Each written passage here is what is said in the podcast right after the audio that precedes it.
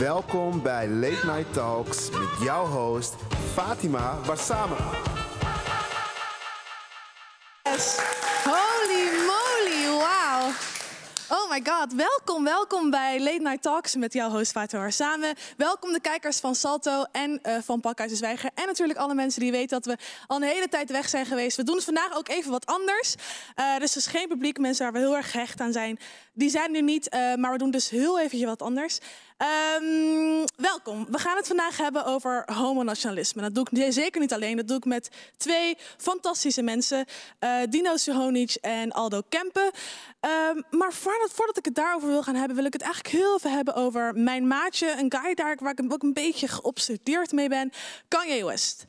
Want mijn lieve Kanye West heeft uh, de wereld een beetje op zijn kop gezet door afgelopen week zijn kandidaatschap voor het presidentschap voor Amerika aan te kondigen.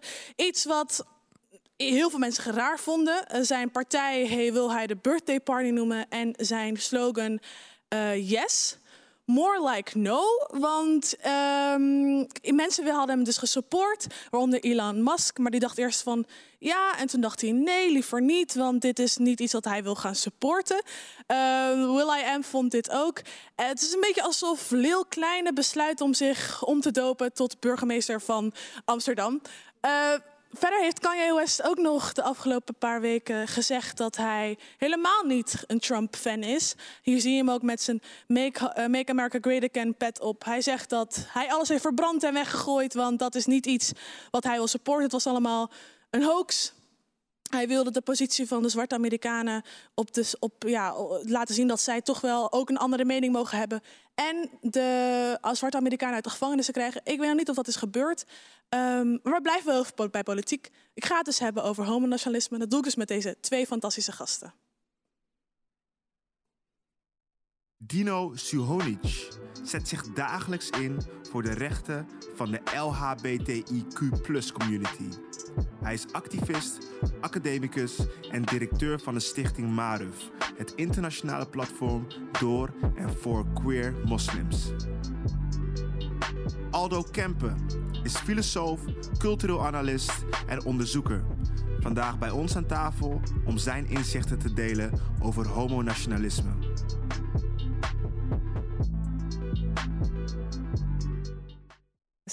Mannen, welkom. Hi. Hi. um, voordat we gaan praten over het onderwerp, hebben we het hier bij Late Night Talks altijd over spellen. En een van ons uh, meest bekende spel, en als in het publiek was, hadden ze met me meegejoeld, uh, is Invite to the Cookout. Het principe is heel makkelijk, ga ik jullie even heel kort uitleggen. Um, je hebt een feestje. Wil je uitnodigen, je wil mensen uitnodigen bij jou thuis. Er is lekker eten, er is lekker muziek. En je denkt aan de gastenlijst. Ik heb dus een scala aan mensen, deze keer drie mensen, waarvan jij moet gaan bedenken van, nou, zal ik hun inviten tot mijn cookout? Zal ik er niet inviten tot mijn cookout? En de eerste is uh, Beyoncé. Want zij heeft uh, met haar visueel album trailer eigenlijk uh, Black is King, wat op 31 juli uitkomt, een, um, ja, een, trailer is gereleased. En, maar er was toch best wel wat kritiek op. Het zou een soort van Wakandification van Afrikaanse cultuur zijn. Um, ja, dus ik vraag me af. We gaan even naar het filmpje kijken wat jullie daarvan vinden. A journey is a gift.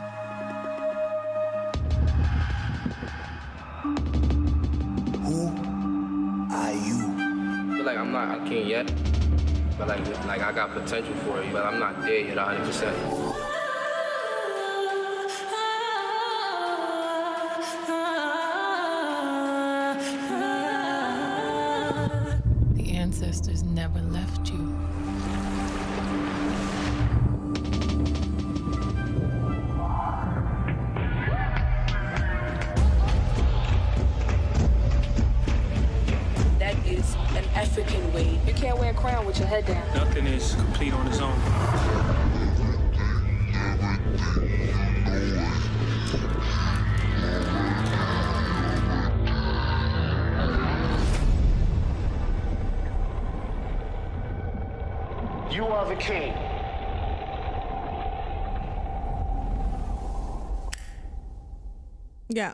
Black is. Hebben jullie dat, hebben jullie dat voorbij zien komen trouwens? Ja.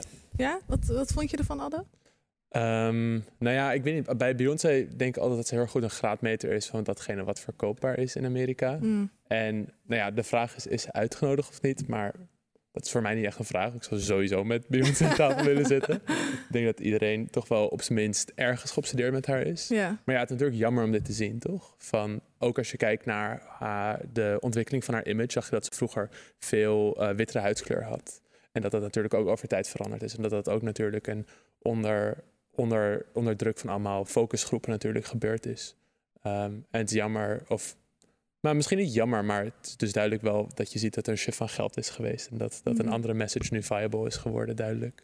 Ja, en dat was ook wel een van de, het, het kritiek was inderdaad ook wel het is heel erg een commercieel beeld van. A- Afrika, wat ook wat weet je wel, Ja. een heel continent. Hoe, hoe doe je dat eigenlijk? En ook die Wakanda Vacation, weet je wel, van iets wat, eh, wat we in die film hebben gezien, waarvan mensen denken, nou, dit, dit- wat jij doet is dat bestaat eigenlijk niet. Ja. Ja, het is best wel lastig natuurlijk als eh, iemand die niet zwart is Mhm. om daar commentaar over te geven. Ehm, ik hoop alleen dat, dat dit, film, de- dit filmpje ehm, voor nog meer gesprekken gaat zorgen.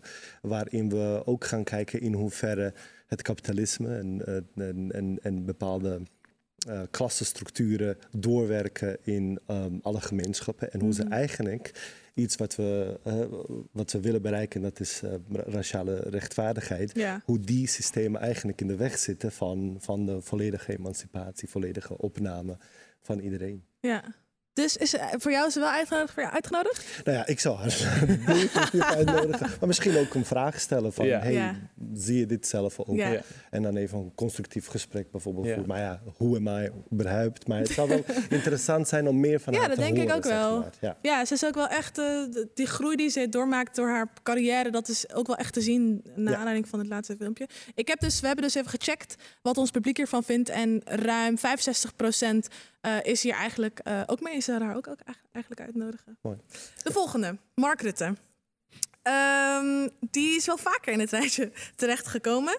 Ehm, eh, hij vindt dus racisme een debat. Eh, daarom is hij, weet je, wel, er veel, kritiek op. Hij heeft ook gezegd dat ehm, er geen eh verontschuldiging nodig is vanuit de Nederlandse staat voor het slavernij in het verleden, waar heel veel, heel veel kritiek op was. En ook ehm, zegt hij dat racisme niet iets is wat hij in de Kamer, wat in de Kamer opgelost moet worden. Denk je, oh ja, ik, ik wil hem wel uitnodigen voor mijn, voor mijn feestje en daarover hebben? Of denk je, nou, dat hoeft niet echt van mij? Ehm, nou, mijn gevoel is dat die eh, afgelopen drie, vier maanden iets te veel in onze woonkamers, bijna in slaapkamers zijn geweest met de coronacrisis. Ehm, ik zou zeggen, ik zou hem niet uitnodigen, want er zijn gelukkig al heel veel gesprekken gaande. Ehm, eh, op, op basis van zijn uitspraken. Dus ehm, in die zin hoef ik eh, zijn. En het klinkt heel vreemd om, eh, om uitleg te horen over waarom hij het een debat vindt. Waarom ja. is racisme een debat überhaupt? En dat hij dan op een gegeven moment dat compenseert door te zeggen: ja, het wordt heel snel een sociologisch debat. Dat, dat zei hij ook op een gegeven moment. En ik dacht van, maar dat kan je, dat, dat, dat is niet aan jou om dat te zeggen. En, en jij bent ehm, eh, minister-president van ons allemaal. Ehm, dus ook van mensen waar het hier over gaat. En ehm, ik zou hem definitief niet uitnodigen, maar zeker wel manieren vinden om aan hem de boodschap te, eh, over te brengen. Onder andere Kick Out Zwarte Piet en Black Lives Matter. Ja. Gewoon wat vaker uitnodigen Ja, ja. in het eh, torentje. Torentje. Anne? Ehm, ja, ik sluit me daar helemaal bij aan. Maar nou, ik, weet, ik weet niet wat- de beste strategie van hem overtuigen zal zijn. Of dat hem juist niet uitnodigen is als een, als een signaal van dat er iets, iets moet veranderen. Of juist wel uitnodigen om met hem een gesprek te hebben. Eh, en wat je net zei over dus dat dit een vermoeiende sociologische kwestie of een sociologische term noemt. Ja, ik weet niet, volgens mij wijst het ook om een soort van schisma wat wordt gemaakt tussen zeg maar, de sciences of de harde wetenschappen Mm. en dus bijna non-wetenschappen aan de andere kant. Dus de Ja. sociologie of geesteswetenschappen zijn. Ja. En dat is iets groter wat hij ook bijvoorbeeld in, in, in onderwijsfinanciering aan het doorzetten is. Wat ook heel schadelijk is voor kritisch vermogen in Nederland. Ja. Wat juist zo belangrijk is, dat zien we nu weer. Ja. Ehm, dus ja, ik, ik weet niet zo goed wat ik zal doen, zolang de message maar overkomt. Ja. Ja. Nou, eh, een heel groot deel van onze, van onze volgers eh, waren het eh, ook met jullie eens. Een heel groot deel, bijna 100 procent. 97 procent, die zouden dus ook zeggen, nou, hij mag deze keer thuis blijven. Ehm, en de laatste, en dat, dat past ook al een beetje bij het onderwerp van vanavond. Ehm, J.K. Rowling, ja, oef. Zij, eh, twee dingen eigenlijk met haar. Zij, zij, zij, zij identificeert zichzelf als een turf. eh, een ja, trans-uitsluitende radicaal feminist. Waarbij ze eigenlijk zegt van, nou ja, trans vrouwen of trans mensen ehm, mogen niet bij de feministische beweging voor haar. Eh, en zij heeft dus eh, afgelopen week volgens mij ook gezegd dat zij cancel culture, dus het hele idee van mensen eigenlijk eh, cancelen online, zeggen boycotten eigenlijk. Ehm, dat vindt zij dus geen goed idee. Dat, dat vindt ze oneerlijk, want daarmee kan je het gesprek niet meer aan. Ehm, J.K. Rowling, zou jij haar uitnodigen, Aldo? Helaas niet meer. Nee. Nee, een gevallen, gevallen heldin. Ehm, Ja, zo voelt het ook voor veel mensen. En ik moet ook eerlijk zeggen voor mezelf ook wel dat ik dacht... Daar gaat al een Harry Potter, weet je wel? Daar gaat al Ja. een... Nou ja, ik had dus, ik had dus zo'n artikeltje gelezen in Volkskrant vorige week over hoe, eh, hoe generatie Z millennials aan het, aan het kakken zetten is. En gelukkig in de generatie onder, onder, zeg maar, onder mij speelt het dus helemaal niet meer. Mhm. Dus ik ben blij dat ze daar überhaupt al dethroned is. Maar voor mij deed het wel nog echt even pijn om eh, iemand met wie ik zo erg opgegroeid ben, dit soort echt debiele uitspraken te zien doen. Maar het ging natuurlijk ook langzaam. Dat ze op een gegeven moment zei dat, dat, eh, dat Hermelien zwart zou zijn. Ehm, ja, dat is natuurlijk ook al een belachelijke uitspraak om je soort van te postrationaliseren of achteraf woke te maken. Oh ja. Ehm, dus het, het was al een soort van een, een, een Dalende... dalende ja, lijn. Ja. Ja, ik heb geen emotie, want ik heb echt Harry Potter niet Nee! gelezen, niet gezien. Dus Oh, shame. voor mij echt, ik voel, ik voel die shame ook van meerdere mensen. Nou, Nee, nu ja. dus nu ben je lo- verlost. Nee, ja, nu nu denk ben je, ik oh, ik heb er al lang gecanceld. Precies, ik was woke voordat ik... Ja. Nee, ehm, nee, definitief niet. Want dit is echt voor mij een. ehm, en het is interessant hoe hier het woordje radicaal eh, ineens anders valt. Hè. De- deze dagen horen we dat radicaal eigenlijk slecht is. Vooral als we het over anti-zwart racisme groepen hebben, dan is radicaal iets eh, ergs, vervelend. En bij radical feminism, vooral als witte vrouwen het, eh, daarvoor staan, dan, dan is het iets fantastisch of vernieuwends. Of, eh, Gerechtvaardigd. Precies. Ja. En wat mij betreft, iedereen. Het is gewoon raar om in 2020 iemand uit te nodigen die een, ra- een racisme een debat vindt en eh transvrouwen en trans mensen niet als gelijkwaardige mensen zitten. Dus sorry. I skip this one. Ehm, een lastig pakket dus. En ook voor de queer community ehm, om mee te dealen. Een deel daarvan uit te maken. Ik zie hier ook trouwens dat heel veel mensen met jullie eens zijn. Dacht, bijna 80% zegt dat J.K. Rowling niet mag eh, komen bij haar. eh, bij hun thuis. Ehm, maar dat is dus niet het enige waar de trans community hiermee nu heeft te dealen. We gaan het dus hebben over um, homonationalisme. ehm, en ook om te kijken van ja, wat, het, wat, wat betekent het eigenlijk en hoe komt het op in onze gemeenschap?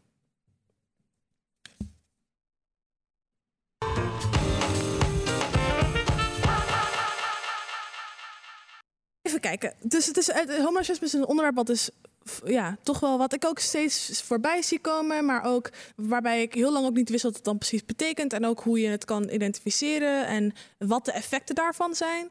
Ehm, Dino, jij bent er al heel erg lang met het onderwerp bezig. Jij Ja. schrijft er ook eh, eh, veel over. Hoe ben jij een beetje hiermee begonnen om hierover te schrijven en ehm, ja, hier onderzoek naar te doen? Ja, nee, dat is een goede vraag. Ik denk dat ik, eh, toen ik het voor het eerst las, dacht ik, oh, dit is, dit is toch iets waar we ehm, eigenlijk aangeven dat als de staat LHBTQ-mensen eh, omarmt, dat het iets vervelends is. En toen heb ik natuurlijk eh, door mijn queer-moslim-activisme heb ik, ben ik erachter gekomen dat ehm, gaandeweg, helaas leren we dat vaak op die manier, ehm, dat, ehm, dat, ehm, dat mijn verhaal, mijn narratief misbruikt wordt.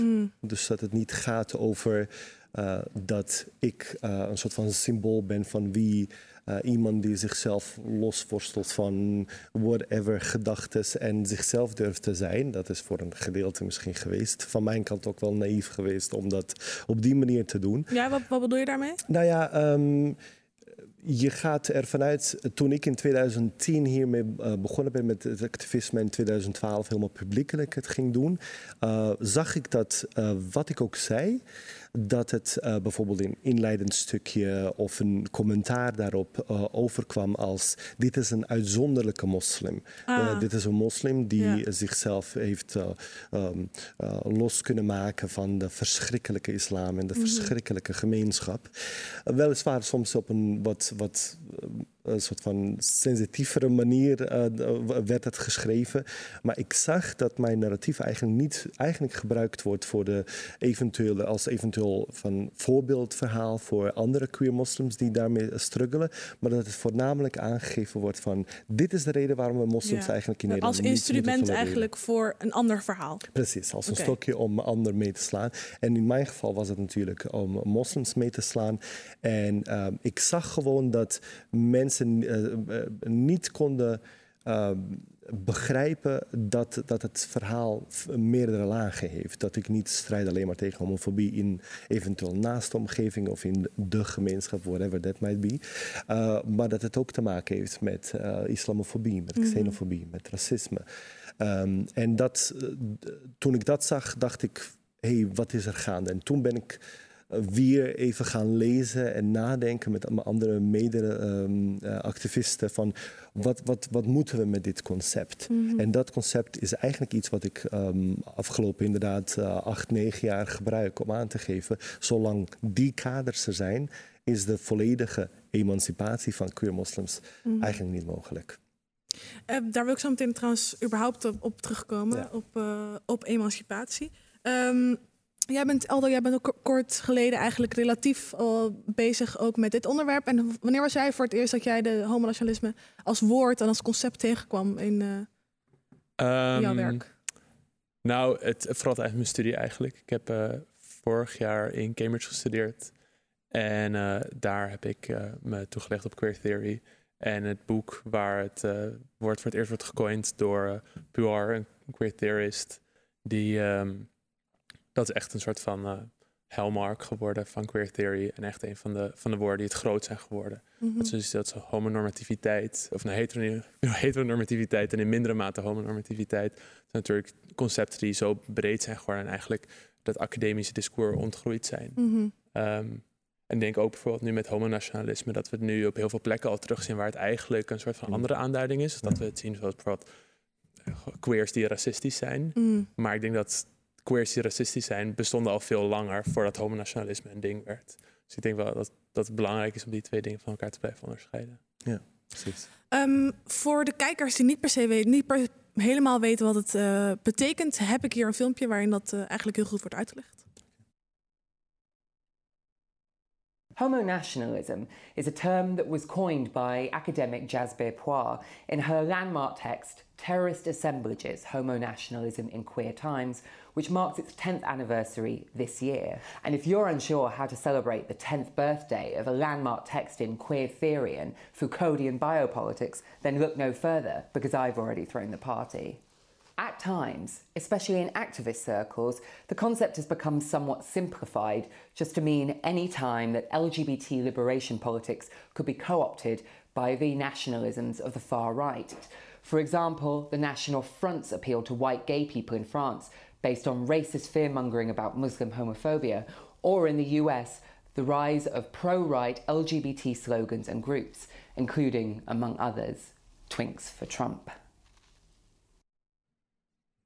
Ja, dus het is een, een. Ja, het gaat dus eigenlijk ook. Het staat een beetje. Kom bij ons. Wij verdedigen um, jullie, jullie rechten. De rechten van, van queer mensen. Um, tegen die enge, uh, ja, heftige racistische uh, moslims, zwarte mensen, wat dan ook. Dat is eigenlijk een beetje ja, het, waar het op neerkomt. Je zou, je, het is een van de implicaties, denk mm -hmm. ik. Of het is uh, lastig bij homonationalisme. Um, wat er net ook werd gezegd, je moet het niet reduceren als alleen maar, uh, wat je ook net ook mooi aankaart. Um, dat het geen, niet white gay racism is. Um, homonationalisme zelf als begrip hè, bestaat uit twee woorden of brengt twee begrippen samen. Dat is homonormativiteit en nationalisme. En bij uh, de homonormativiteit denken we voornamelijk aan de neoliberale seksuele politiek. Uh, waarin er voornamelijk gekeken wordt dat bijvoorbeeld uh, dat er een bepaalde manier is um, waarop eh, queer lichamen geaccepteerd worden.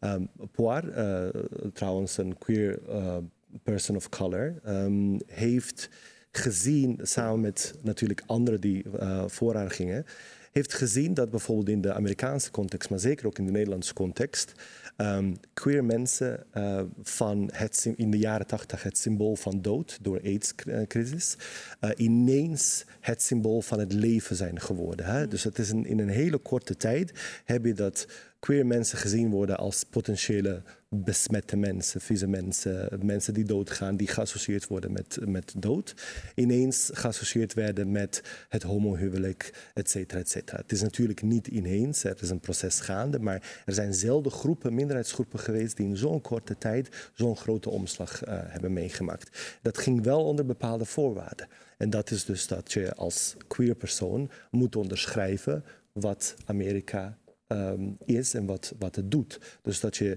uh, white supremacy uh, onderschrijft. Uh, bijvoorbeeld in de, na 9-11 Um, waren heel veel feministische en, en, en, en gay scholars. Queer term gebruiken bij deze is best wel lastig als een soort van overkoepelend term.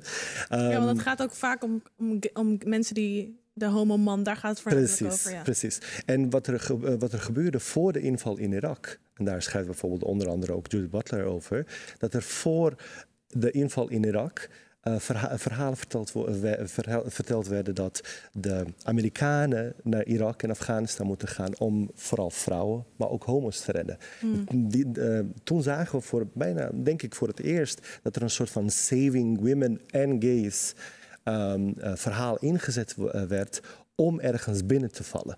Dus je zag heel veel feministische en, en, en gay activisten eigenlijk toejuichen en zeggen: Oh, dat is wel eigenlijk iets wat we moeten doen. Mm -hmm. um, en uh, homonationalisme is een, eigenlijk een handige term om te kijken in hoeverre um, de staat, maar ook queer mensen samen meedoen. Want het is niet duidelijk. Het is niet dat homonationalisme een duidelijk beleid is van de overheid. Nee, precies. Dat, ik, dat, wilde ik dus ook zeggen. Want hier in Nederland heb je ook een aantal partijen, voornamelijk um, rechtse partijen, die, of in ieder geval midden, rechts van het midden, I partijen die dat soort beleid um, toejuichen of uh, dat soort tweets eruit sturen. En wat het, ik kan best wel ja, makkelijk vinden om dan bijvoorbeeld uh, Amerikaanse voorbeelden te vinden. Maar in Nederland is het natuurlijk net iets meer genuanceerd of lastiger. Ik zag deze tweet ook, die je hier ziet. Ja. Um, die ging een beetje viral deze maand. Ja. Van, uh, ik weet even niet meer wat die meneers naam is. Waar is? Uh, Ruard van ja. GroenLinks. Ja. ja. precies. Die, die dat zei um, van, hey, pas eens even op, want dit is er wat er gebeurt. Let wel op, want dit zijn dezelfde partij als je, als je gay of queer bent. Um, die jullie misschien zo meteen ja, beleid kunnen maken wat ten nalede van jullie is. Um, ja, in Nederland is het dus best wel lastig om te zien, om het, van, om het te herkennen. Hoe zie jij dat, uh, Aldo? Herken jij beleid? Hmm. Of... Nou ja, het is niet, niet alleen maar dit, maar bijvoorbeeld heb, we hebben ook een paar weken geleden gehad dat uh, ChristenUnie en um, SGP tegen de, het illegaal maken van gay conversion therapy hebben ja. gestemd. En ik denk dat een van de soort van hallmarks van homonationalisme is een, uh, een verbloeming van, uh, van langer bestaande vormen van uh, anti-gay bewegingen in, in soort van het globale Westen. Um, want bijvoorbeeld dus de christelijke traditie of de judeo-christelijke traditie, als we in uh, tweede Boeddhist woorden willen spreken, heeft een minstens zo lange misschien nog wel langere en bloederige geschiedenis van de het onderdrukking en uitsluiting van queer lichamen.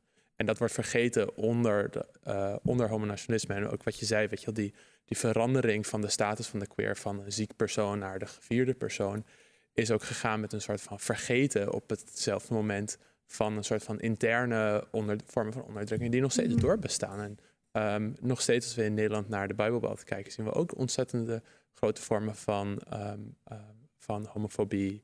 En, en die worden even selectief vergeten hier. Dus een soort mm -hmm. van selectieve amnesia die, die ik super pijnlijk vind. En dus, dus, dus niet alleen maar uh, PVV en FVD, maar ook dus christelijke partijen die nog steeds ja. homofobie ingebakken hebben. En, en, en is dat dan zo dat ze dan, um, want het zijn ook niet alleen maar partijen, het kunnen ook, het kunnen ook mensen zijn, ja. of het kunnen ook homo uh, mannen of queer mensen zelf zijn die dat zo heel erg naar, naar buiten toe dragen van, hey, uh, stop nou met deze dingen of deze stichtingen of deze partijen aanhangen, want zij zijn tegen ons. En daar, had je het, daar hadden jullie het allebei kort even over. Uh, daar wil ik zo meteen ook nog even over hebben. Um, dat deze hetero-normen, deze, de normen waarin zij moeten voldoen om mee te kunnen doen met de samenleving. Is het, is het, gaat dan niet veel meer om het ontwrichten daarvan? En zelf een manier vinden om um, mee te doen aan de samenleving, behalve dan hoe, hoe dat nu is, de normen die we nu hebben? Nou, je zou zeggen dat het eigenlijk dat je, dat je um, queer ervaringen kan gebruiken om je af te vragen hoe bepaalde systemen waarin we leven, vooral um, heteropatriarchale uh, normen, of, zij, uh, of die normen uitgedaagd kunnen worden. Ja. Uh, dus dan is het bijna paradoxaal dat we onze pijlen richten. En dat is natuurlijk fijn voor mensen die willen trouwen. Maar om, uh, in Nederland is het zo uh, geweest dat het homohuwelijk of huwelijksgelijkheid uh, gezien werd als het toppunt van de, van de homo-emancipatie. Ja. Terwijl dat eigenlijk iets zou moeten zijn waar we eigenlijk vanaf nul beginnen en zeggen: hé, hey, dit is een van de voorwaarden geweest, want het recht om te trouwen heeft iedereen. Ja. Um, Nee, uh, dat is dus uh, sindsdien is dat uh, zo geweest dat Nederland zichzelf internationaal probeert te prijzen daarvoor, terwijl we ondertussen op verschillende lijsten van LHBT meters en hoe het gaat met homorechten in Europa best wel steeds um, naar beneden zijn aan het zakken. Waarom? Omdat we met het idee leven dat wij zo voor, voor, uh, voorlopen dat het, uh, dat het voor anderen moeilijk is om in te halen. Ja. Nou, dat wordt dus zowel internationaal ingezet. Uh, dus het idee dat Nederland veel verder is dan alle andere landen. Ja. Uh, vooral buiten Europa. Dat wordt ook aangegeven of uh, gebruikt om aan te geven. Zie je al die moslimlanden of Sub-Sahara. Um, Afrika, Afrikaanse landen um, uh, achterlopen. Maar in de nationale context wordt het gebruikt tegenover bepaalde groepen. Hè, wat we ook net uh, genoemd hebben, zoals uh, moslims of zwarte mensen, die dan vervolgens hè, in die, die mythes dat moslimmannen en zwarte mannen bijvoorbeeld vrouwen slaan of mm. vrouwen haten, homo's in elkaar slaan.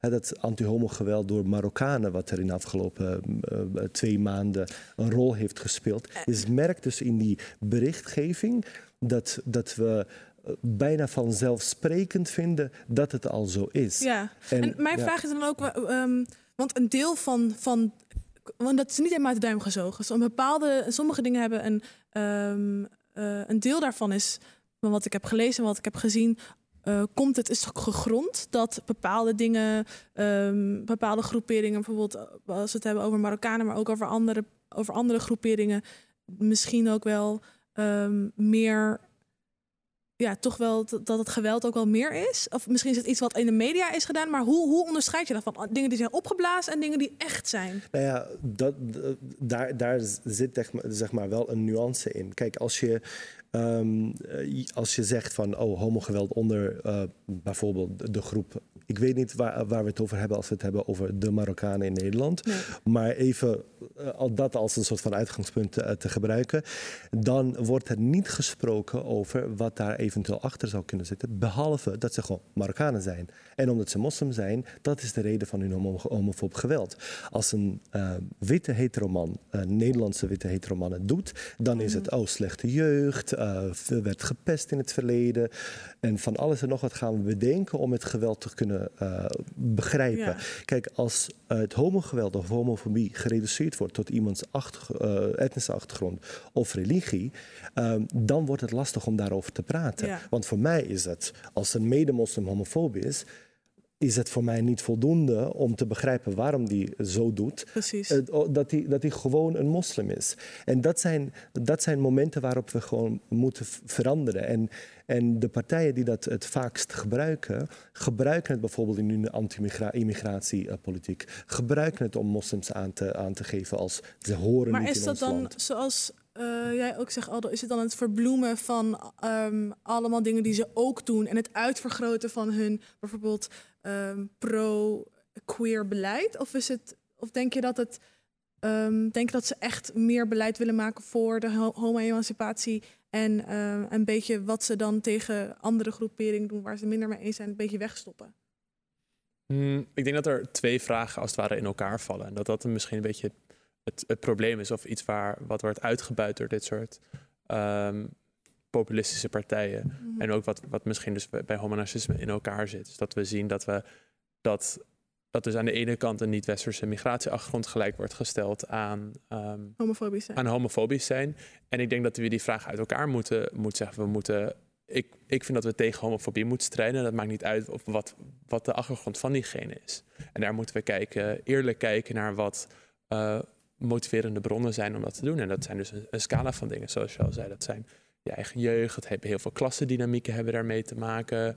Ehm, nou ja, echt een, een, scala van dingen. En daar moeten we naar kijken. En daarnaast moeten we natuurlijk ook kijken, maar dat is een losse vraag ervan, is over uh, zijn integratievraagstukken, maar die zijn niet inherent gelinkt aan elkaar. En dat, dat zit een beetje wat hierin wordt gedaan. Ik denk dat daar het probleem is. Ik vind het lastig om integratie hieraan te, hieraan te koppelen, want dat is precies wat homonationalisme of discours van homonationalisme doet.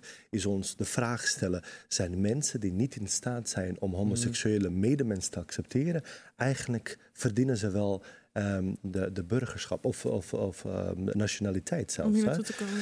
En um, het, het zou andere fout om te denken of hoe we denken over homonationalisme. Het zijn niet rechtse en populistische partijen. Ja, dan, want, dat, dat wil, daar wil ik net, want jij zegt het zijn niet alleen, maar het zijn ook, het zijn ook de linkse partijen die daar gebruik Precies, van maken. PvdA gebruikt dat ook bijvoorbeeld. Uh, Asscher heeft gezegd uh, toen na een, een, paar incidenten in, in asielzoekerscentra dat um, uh, in die discussie zei hij, hom, uh, vluchtelingen mogen uh, Nederlanderschap vergeten als ze homo's, homo's niet accepteren. Mm -hmm. Dat is iets wat tien jaar geleden voor Wilders normaal zou zijn. Ineens hebben we de shift gemaakt dat, dat Asscher het ook makkelijk kan zeggen.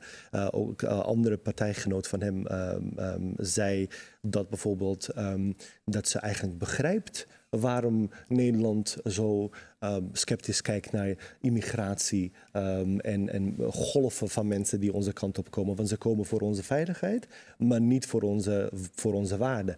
En die voorwaardelijkheid, als we dat zeg maar uh, zo stellen, in, in de context van immigratie, in de, komst, in de context van, van, van naturalisatie, um, dan vind ik het kwalijk. Want sinds wanneer gebruiken we bijvoorbeeld uh, dat als een soort van voorwaarde? Uh, betekent het bijvoorbeeld dat we ook bij mensen die hier geboren zijn en die homofoob zijn, dat we daar ook vragen mogen stellen van hé, hey, ik pak je, ik, uh, ik ga je Nederlanderschap Ja. afpakken. Ja. Kijk, en dit zijn wel hele gevoelige gesprekken. Waar, waar ik me echt aan stoor, en daar moeten we gewoon naast homonationalisme ook iemand anders erbij halen, Gloria Wekker, die um, um, uh, schreef over homonostalgie. Dus het gevoel dat Nederland van oudsher gewoon altijd homovriendelijk is geweest. En dat het zo mooi en prachtig was Ja. voordat die moslims en, en immigranten en, en- en naar ons toe kwamen. Wij moeten daartegen vechten, want het is een hele korte geschiedenis waar we het over hebben dat de Nederlandse eh, burgers die LHBTQI zijn, dat ze eigenlijk meegaan in de samenleving. Het is een zeer korte geschiedenis. Dus nadenken over het, hoe het vroeger was en dat vroeger altijd beter was voordat die moslims naar Nederland kwamen, zorgt ervoor dat het gesprek die kant op gaat, waarin we, als het toch uh, gebeurt, Um, bijvoorbeeld dat er een witte Nederlander homofoob geweld uh, vertoont, dat we het zeggen, nee, maar dat is minder erg dan, dan als Marokkanen het ja, doen. ja. Dus dat het, afwegen. Het, ja, het eind is dan heel ver te zoeken. Zeg. Voor de slachtoffers Ja. maakt het toch niet uit. Nee. Ik bedoel, ik vind het altijd raar. Ik heb bijvoorbeeld vooral uh, homofoob geweld of uh, opmerkingen meegemaakt van, van, van, van witte Nederlanders. Want uh, daar speelt natuurlijk ook een ander iets. Op het moment dat ze erachter komen dat ik niet één van hen ben, dan is dat een vrijkaart om homofoob geweld ook te vertonen Ja. richting mij. Dus het zijn die, niet alleen maar microagressies, maar ook gewoon uh, belangrijke stromen waarin je eigenlijk de voorwaardelijkheid van, van de acceptatie is dat je wit bent. Ja, dus Dan accepteren wel- we gayness. Ja. Dus het is ook met je de intersectionaliteit. Van, ehm, dat je eigenlijk moet in kunnen zien dat er verschillende soorten ehm, ja, kruispunten zijn. Ook vanuit het, de, het, de witte beleidmakers en de witte mensen die dat zeggen. Maar dus ook vanuit eh, de, de samenleving als geheel. Daar wil ik zo meteen nog... eh, Mag ik nog één, Ja, één ding op zeggen? Ik bedoel, met integratie bedoelde ik niet over het idee van... oh, je moet je aanpassen aan onze waarden. Maar ik bedoel meer vraag, economische vraagstukken. Dat we moeten nadenken over hoe we iedereen eerlijke kansen kunnen geven in Nederland. En ik denk dat heel veel van de, van de problematiek die we zien... de eigenlijk van klasproblematiek zijn... die worden afges, afgestu- afgeschoven op ehm achter, op migratieachtergrond. Dus ik bedoelde, om, om dat nog even recht te Ja, zetten... mooi ik dat je dat toelicht, want de integratie is Ja, wel nee, ik, best ik, aan- fout bij je vallen. En ik wil nog even rechten dat Ja. dat niet, niet natuurlijk een waarde, maar een economisch vraagstuk Yes. is. Ehm, ik wil eh, even wat comic relief. Eens even kijken hoor. We hebben een spel, een heel leuk spel. Het spel heet eh, Two Lies and a Truth. Het is ook een best wel simpel spel, net als, nee, net als Invited to the Cookout. Ehm, ik heb van verschillende mensen, dat zijn in dit geval drie mensen, drie quotes verzameld, waarvan er twee leugens zijn en eentje is echt waar gezegd. En dan is het eigenlijk aan jullie om te bedenken van ehm, eigenlijk meer onderwezen keuzes te maken eh, van welke, eh, de, welke quote echt is. En we beginnen met de allereerste. Het eerste is Schild Eh, die zei ooit: eh allochtonen worden minder gediscrimineerd dan autochtonen. Eh, B. eh, ik vind dat islamieten er zelf om vragen om gediscrimineerd te worden. Of C. Islamieten mogen geen twee nationaliteiten hebben. En hij heeft één van deze is echt waar gezegd en de andere twee dus niet. En zijn jullie om te bedenken welke dat is? Denk C, toch? Oh, ik dacht A. Jij denkt A, jij denkt C? final answer? Ja? Ja. Het is A. Toch? Ja. Ja. Ja, dat, dat zei hij in hij recentelijk 2020. gezegd, ja, dat zei hij, dat Maar zei hij laatst hij nog. zegt ook regelmatig dat, we, dat die dubbele nationaliteit. Ja, volgens mij gaat het over Marokkanen. Marokkanen mogen geen tweede nationaliteit. Volgens mij is dat het. Turken ook. Turken ook. Oh.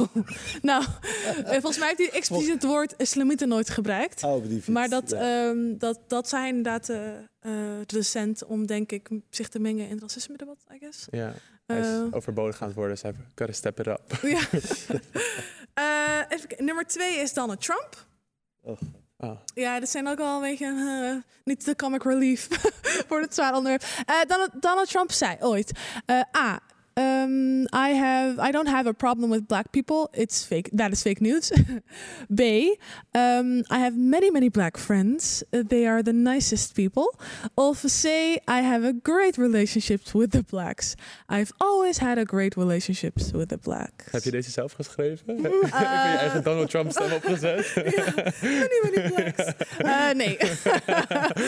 Even kijken. Wel- welke denk jij, eh Allo Dino? Welke denk jij dat echt? Zo Trumpiaans allemaal. Ja, ze zijn allemaal echt goed geschreven. Ja. Dat kan het allemaal zijn. Een soort van, en dan kan het ook nog vervangen worden door Mexicans. Heb ik het Ja, gevoel. het kan ook Mexicans. Is C? Want eh, dat herhaling dat ik lijkt denk wel ook- op hem. ik denk ook C, ja. jij zei het is C. Wow, wat goed. Ik had, ik, ik had deze nou nog niet gezien. Ik dacht dat het, ehm, ik dacht dat het eh, A was. I, don't, I don't have a problem with black people. This is Ja, fake news. je ziet hem al zeggen. Ja, ik zie het wel zeggen. Eh, en de laatste is... Oh, Mark Rutte. Ah, Alle Hij- favorites bij elkaar. Ja. Hij zei ooit... ehm, even kijken. Eh, we moeten racisme killen. Of eh, B, racisme is voor iedereen anders. Eh, of C, ik vind, dat, ik vind dat je iemand niet gelijk voor racist zou moeten uitmaken... wanneer je racistisch bejegend voelt. Ben, ben bang voor C. Wat denk jij? Ik denk B. B, het is A. Toch? Ja, dat zei hij ook nog onlangs. Killen. Ja, ik weet even, ik ben vergeten welke context het ook er was. Maar ik weet nog dat hij het, ik geloof dat hij het dit jaar nog heeft gezegd. maar Ehm, niet institutioneel racisme, dat bestaat niet.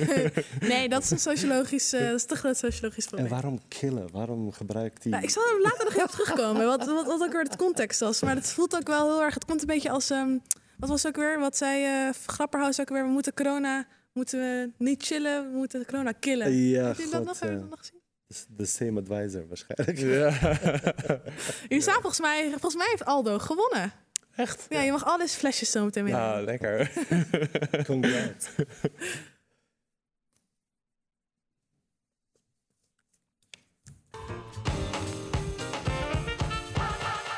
Yes. Ehm, ik, wil het dus, eh, in de, ik wil het dus nu heel graag hebben over waar we het net ook al voor een deel over hadden.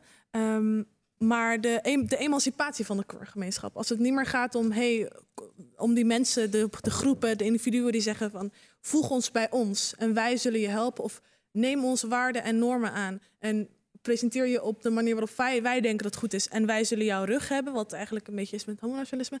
Zijn er geen andere manieren om ho- homo-emancipatie... Nou, wacht, laat me zo stellen. Is homo-emancipatie en, ehm eh en homonationalisme... gaat dat hand in hand, in hand Dino? Wel een goede vraag. Voor, voor mij ehm, gaat het hand in hand op het moment dat homo-emancipatie gedicteerd wordt door homonationalisme. Dus als, het, als dat een soort van voorwaarde is. Mhm. Je emancipeert pas op het moment dat je neoliberale, ehm, kapitalistische manier van denken overneemt en daar toepast. Dus ehm, voor mij is emancipatie niet als regenboogvlag hangt bij grote bedrijven die dan vervolgens ergens anders of in Nederland mensen uitbuiten. Hoe zie jij dat, uh, Adde? Nou ja, ik denk dat jij dat eigenlijk ook zegt, maar met andere woorden. Ik denk dat het heel erg afhangt van wat je, hoe je het homo zijn definieert of queer zijn definieert.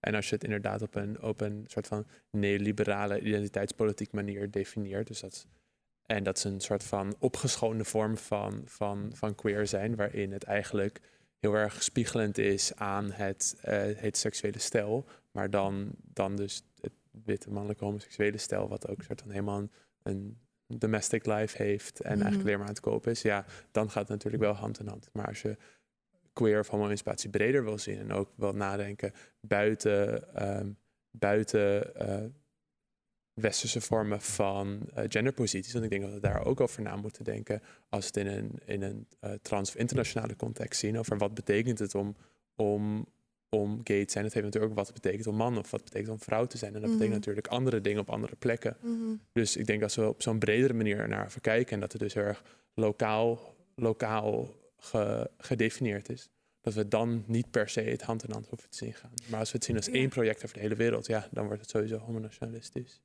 En als we, want als we het hebben over homo-emancipatie, wat ook wel inderdaad een beetje in het homonationalisme zit, eh, komen woorden zoals acceptatie en tolerantie vaak naar boven, waar jij het ook eh, eerder over had, Dino.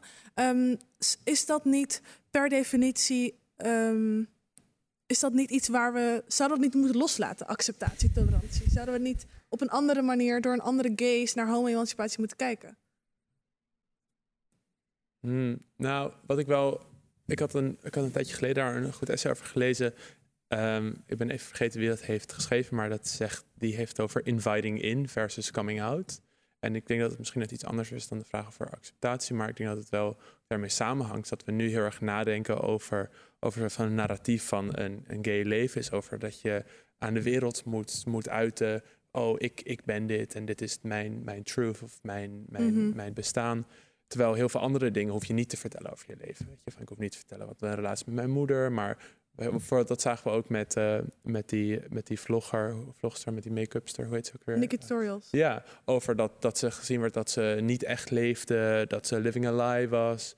Eh, en het is natuurlijk een belangrijk onderdeel, maar niet het belangrijkste Ja. onderdeel. En ik denk dus dat daarom dat we meer over na moeten denken over hoe je... En daar, die persoon noemde het inviting in, dat we mensen naar binnen kunnen uitnodigen van... oh, dit is ook iets wat belangrijk voor is. En dat je dat selectief aan verschillende mensen vertelt. Net zoals dat dat überhaupt met vriendschap gaat. Dat je selectief dingen vertelt en dat je steeds wat mensen wat verder naar binnen invite. Ja. En ik denk dat dat dus in die grotere context van acceptatie of niet, ik denk dat we er van af moeten om, om je seksualiteit als het meest definiërende ding van je leven te Ja. zien. En dat je daar zelf in kan differentiëren in hoeverre dat belangrijk is voor je leven. En in hoeverre je het belangrijk vindt om voor die persoon of dat gedeelte van je persoonlijkheid uit te komen. Ja, ja dat eh, inderdaad. En ik, ik vraag me dus, maar wat ik ook bedoel is, ehm, zijn die termen niet een problematisch uitgang van emancipatie? Überhaupt. Dat ook, dat ook in het homonationalisme eh, vaak deze woorden worden gebruikt om mensen naar binnen te halen van hé, hey, maar wij, wij zijn voor tolerantie, wij zijn voor acceptatie, wij willen jullie hier hebben.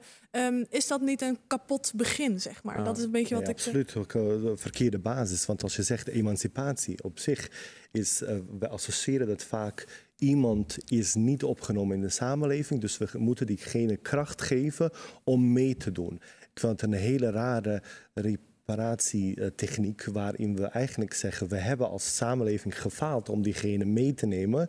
Maar dan moeten we even op een of andere manier alleen tegen jou individueel iets doen waardoor je als individu weer in de samenleving mee kan komen. In plaats van wat, dat we denken, want dit zijn systemen in onze samenleving die het Ja. onmogelijk maken om voor bepaalde lichamen, voor bepaalde mensen, om mee te doen. Dat je bijvoorbeeld al eh 3-0 achter staat als bijvoorbeeld zwart persoon, als eh, queer persoon uh, laten we niet vergeten, queer zwart persoon.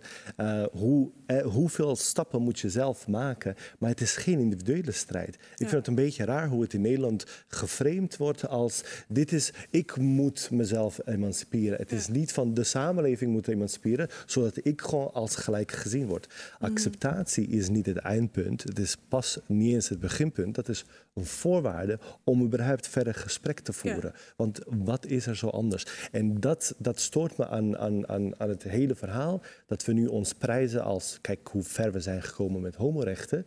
Eigenlijk ben je helemaal niet ver gekomen. Je bent een beetje bij, bij, een soort van normaal punt gekomen.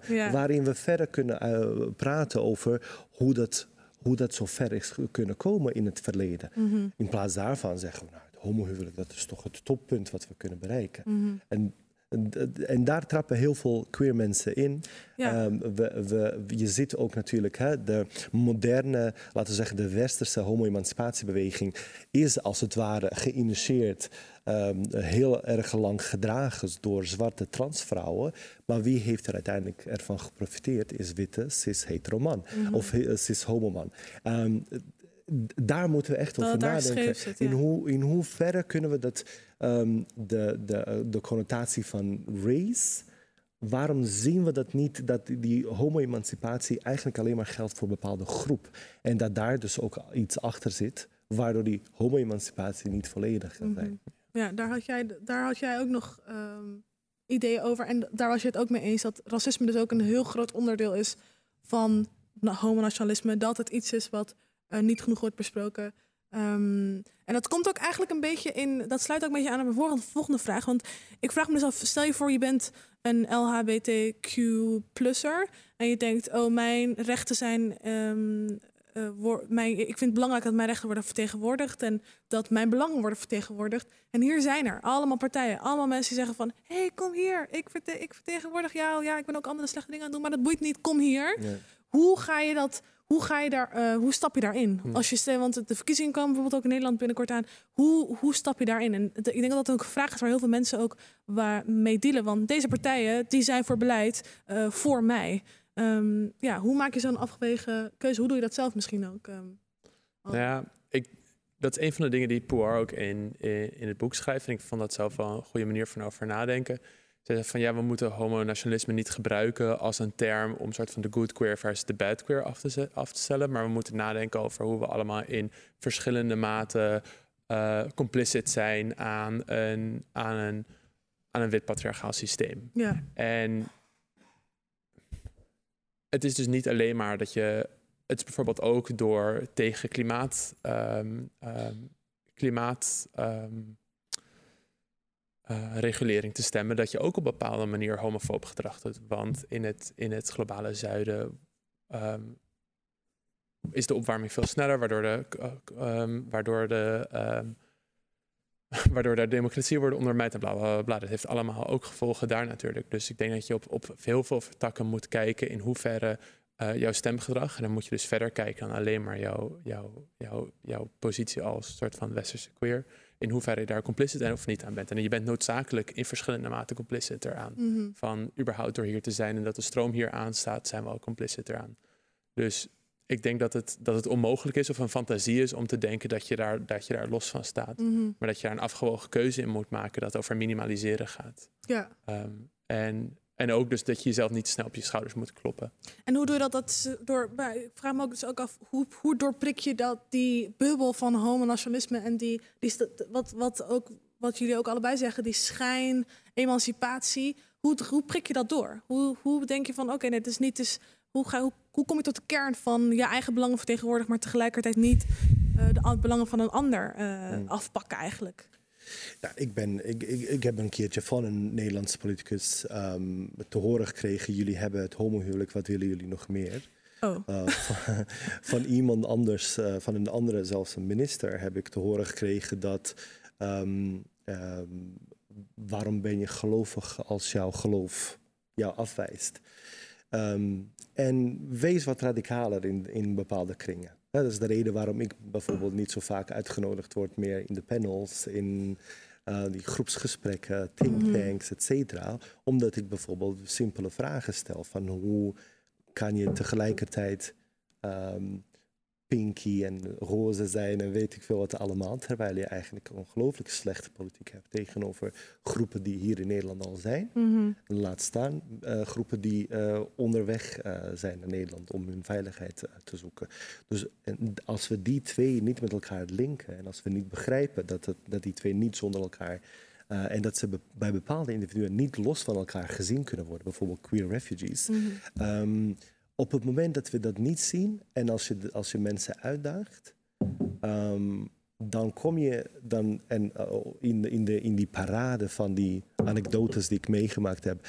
Een van de meest bijzondere uitspraken die ik van, een, van iemand heb gehoord is. ehm, eh, jullie zijn queer moslims, zeg maar. Jullie zijn een soort van paard van Troje. We En wat bedoelen halen- ze daarmee? we halen jullie eh, binnen, zeg maar, in Nederland. Als een soort van, we gaan jullie redden en jullie mogen in Nederland zijn wie jullie willen zijn. Maar eigenlijk komen jullie met plannen om ons te islamiseren. En dat heeft iemand gezegd die niet, pers- niet eens een nazi is. Het was iemand die volgens zijn woorden ehm, eh, GroenLinks stemt. Maar goed, dat, dat weet ik natuurlijk niet. Ik ben niet meegegaan naar het stemhokje of zo. Ehm, maar die werkt samen met, eh, met homovluchtelingen. En die zegt daar verschrik- verschrikkelijke verhalen te horen over hoe islam homo's ehm, behandelt. Ehm, en dus elke nuance in de definities, in de context begrijpen, in eh, alternatieve verhalen vertellen, werkt niet meer. Dus op het moment dat je zo iemand uitdaagt met van hey, ik, ga, ik ben niet hier om jouw narratief of jouw ideeën te bevestigen, maar om daar juist eventueel gesprek over te hebben. Wat me overigens ook nog heel veel tijd en moeite en energie kost, want ik heb andere dingen te doen in mijn leven. Eh, en toch, alsnog als je dat doet, paard van Troje, een verrader. Een, een, weet je wel, wat, wat, ehm, wat Wilders ook zegt voor heel veel moslims, dat ze ehm takia eh, doen. Dus dat ze doen alsof ze ehm, meedoen in de samenleving, dat ze meegaan in onze samenleving, maar eigenlijk diep van binnen nog steeds die oude moslims Maar is het zijn. dan, is het dan aan eh, ons, dus de mensen die hier aan tafel zitten, om dat narratief te veranderen? Is het dan aan ons om dan. eh, ik vraag me een beetje waar de verantwoordelijkheid dan ook ligt. Want als deze ideeën bestaan, en die bestaan er, en de mensen klammen zich hier aan. Ik vraag me dan een beetje af wiens verantwoordelijkheid is om dat te veranderen. Of inderdaad zelf iets te beginnen, of zelf daar. Hoe zie jij dat, Aldo? Hmm, nou ja, van het is al meerdere keren teruggekomen. Ik denk dat het inderdaad gaat over het systeem wat hier, wat hier, wat hier onderliggend aan is. En dat we een systeem hebben. ehm, nou, je gebruikte net het woord van ehm, homo, of, uh, homohuwelijk, dat is alleen maar normaal. Mhm. En ik denk dat van een van de begindingen is dat we niet meer praten over normaal. Of dat we normaal als, Mhm. als gelijkstellen met goed. Mm. Ehm, en want dat soort, dat soort ideeën van wat normaal is, wat, wat door de VVD constant wordt hard gebezigd, dat is een soort van binair idee waar altijd een inclusie en een exclusie, exclusie is. En dat we nu zien, en dat is onderdeel van het homonationalisme, is dat toevallig een deel van de gay gemeenschap ingevouwen is in het wij.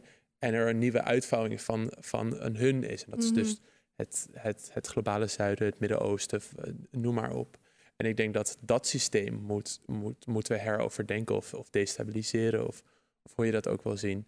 Ehm, en ik denk ook dat we daarom niet per se de, de, soms wordt er gezegd homonationalisten en dan wordt er, wordt er neergekeken, of neergekeken dat is misschien niet het goede woord, maar wordt, er, wordt het probleem ge- ge- gezet bij, bij witte, witte gays, basically, witte mannelijke gays.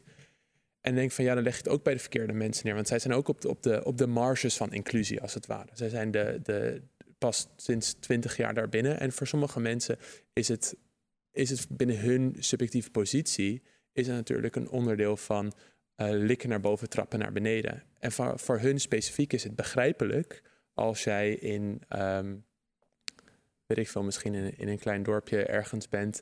En de enige manier waarop je erbij kan horen en voor jou een normaal leven te hebben, is door dus die exclusie ook te tonen, door andere mensen uit te.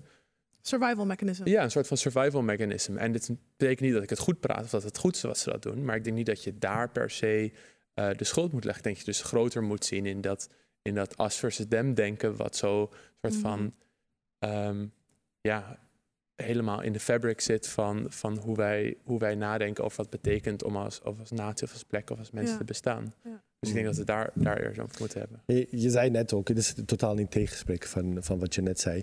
Je, je hebt het net ook over wat Poir en anderen zeggen. Dit is complicity. En we kunnen niet on- on- ontkennen dat er een hele grote complicity gaande is in de bewegingen. Ik, als ik het over witte, bijvoorbeeld witte homomannen eh heb, dan heb ik het niet over die, dat ene individu in, ergens in, in Bijbelbelt die eh, ook droomt over ergens leven ergens anders. Uh, maar ik heb het bijvoorbeeld over bewegingen, over, over mensen eh, die macht hebben, die een bepaalde positie bekleden. Um, als je bijvoorbeeld een politicus bent die in, in de, de gemeenteraad zit en je bent homoseksueel, wit, en als je dan vervolgens um, um, je collega's van kleur gaat ridiculiseren en zeggen: jullie zitten hier, maar jullie accepteren homo's niet. Uh, wat is de bedoeling van, van, van de hele zaak? Dan moeten we dus anders over nadenken hoe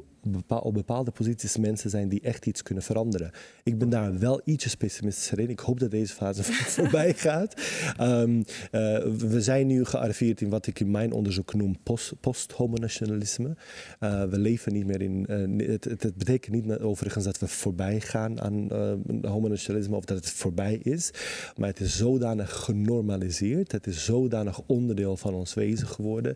Um, dat we niet in staat zijn om da daar kritisch uh, over te zijn. Zelfs mensen die over homonationalisme praten, die hebben soms moeite om te begrijpen hoe dat eigenlijk zich uitwerkt op institutioneel niveau en op individueel niveau. Mm -hmm. um, um, en voor mij is posthomonationalisme ook een uh, manier om een soort van aan te kaarten dat mensen van kleur, queer mensen van kleur, queer moslims, um, in het bijzonder omdat ik bij, bij die groep hoor, uh, langzamerhand moe worden van steeds uitleggen.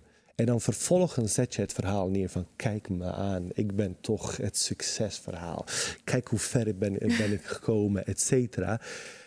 Dan vervolgens word je nog steeds als verrader gezien. Of als mm. iemand die hypocriet is. Iemand die dus even... besmede moslims beschermt. Ik vind die, idee, die ideeën die ik steeds vaker hoor... Uh, tien jaar geleden was ik een hot topic. Nu hoor ik bij bij de verraders. Er, zit, en er, er, heeft een shift gevonden waarin, uh, waarin mijn verhaal als een soort van trophy van, van de Nederlandse tolerantie en Nederlandse openheid is geworden. En nu gaat het steeds meer dat ik in het rijtje hoor van mensen die zich anders voordoen dan het ze zijn. Voor mij persoonlijk bijvoorbeeld dat ik wil goed praten wat allemaal he, wat terroristen aanslagen bij wijze van spreken, hoe ze die links maken. Maar dat is pas mogelijk als we heel erg geloven in die narratieven dat islam a priori tegen homoseksualiteit is, dat elke moslim zo niet de meerderheid tegen homo's is, dat er een deel daarvan, een groot deel daarvan, zelfs geweld gebruikt. Als we daar niet, als ik niet met mijn eigen verhaal, met het verhaal van andere medestrijders dat maar kan is het veranderen. Dan omdat, is, omdat de, de samenleving um, islamofobischer is geworden? Wat, wat geef jij, en we hebben niet zoveel tijd voor, maar ik wil even, wat geef jij als verklaring hiervan? Kijk, van jouw ervaring? mijn achtergrond is, ik heb ook genocide in Bosnië meegemaakt. Afgelopen zaterdag was er het 25 jaar Ja, dat 11 genocide in Srebrenica, Ja. 11 juli, eh, dat de genocide in Srebrenica is gebeurd. Ik ga niet contexten vergelijken met elkaar. Balkan, Bosnië is anders dan Nederland, absolutely. Maar er zijn bepaalde patronen die zich herhalen. Op het, we zijn op het punt gekomen dat die dehumaniserende effect van islamofobie niet meer terug te draaien is. Ik weet niet welke kant op dit gaat, maar het is zodanig verweven in ons, hè, onze manier van nadenken dat we daar, dat gewoon niet kunnen loskoppelen. Ik vraag me echt af, wat is dan de oplossing als we zeggen Marokkanen slaan homo's in elkaar, dat komt omdat ze Marokkanen zijn. Wat is de oplossing? Omdat we islam niet kunnen veranderen, hun etnische achtergrond is nou eenmaal zo. Ik zit echt te denken aan verregaande maatregelen. Iemand uitsluiten, deporteren, opsluiten. Ik weet, ik weet niet precies wat de oplossing is. Dus het is een Dus jij, leugen. jij bent angstig over de consequenties van die vraagstelling. Van hoe we nu in die, of hoe we, of hoe als samenleving in, die, in, die vraag, in dat vraagstuk eigenlijk staan. Ja.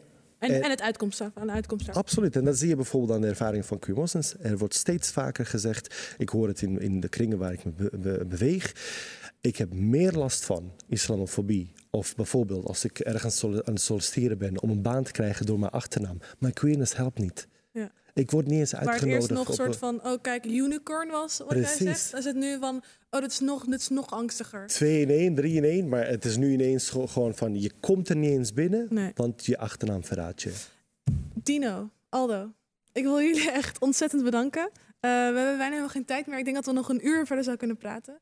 Uh, ontzettend bedankt. Jullie kunnen ons volgen en eh, ons bijhouden. Eh, Late Night Talks op Instagram op alle kanalen. Hartstikke bedankt. En hopelijk tot de volgende keer. Dank je wel. Yes.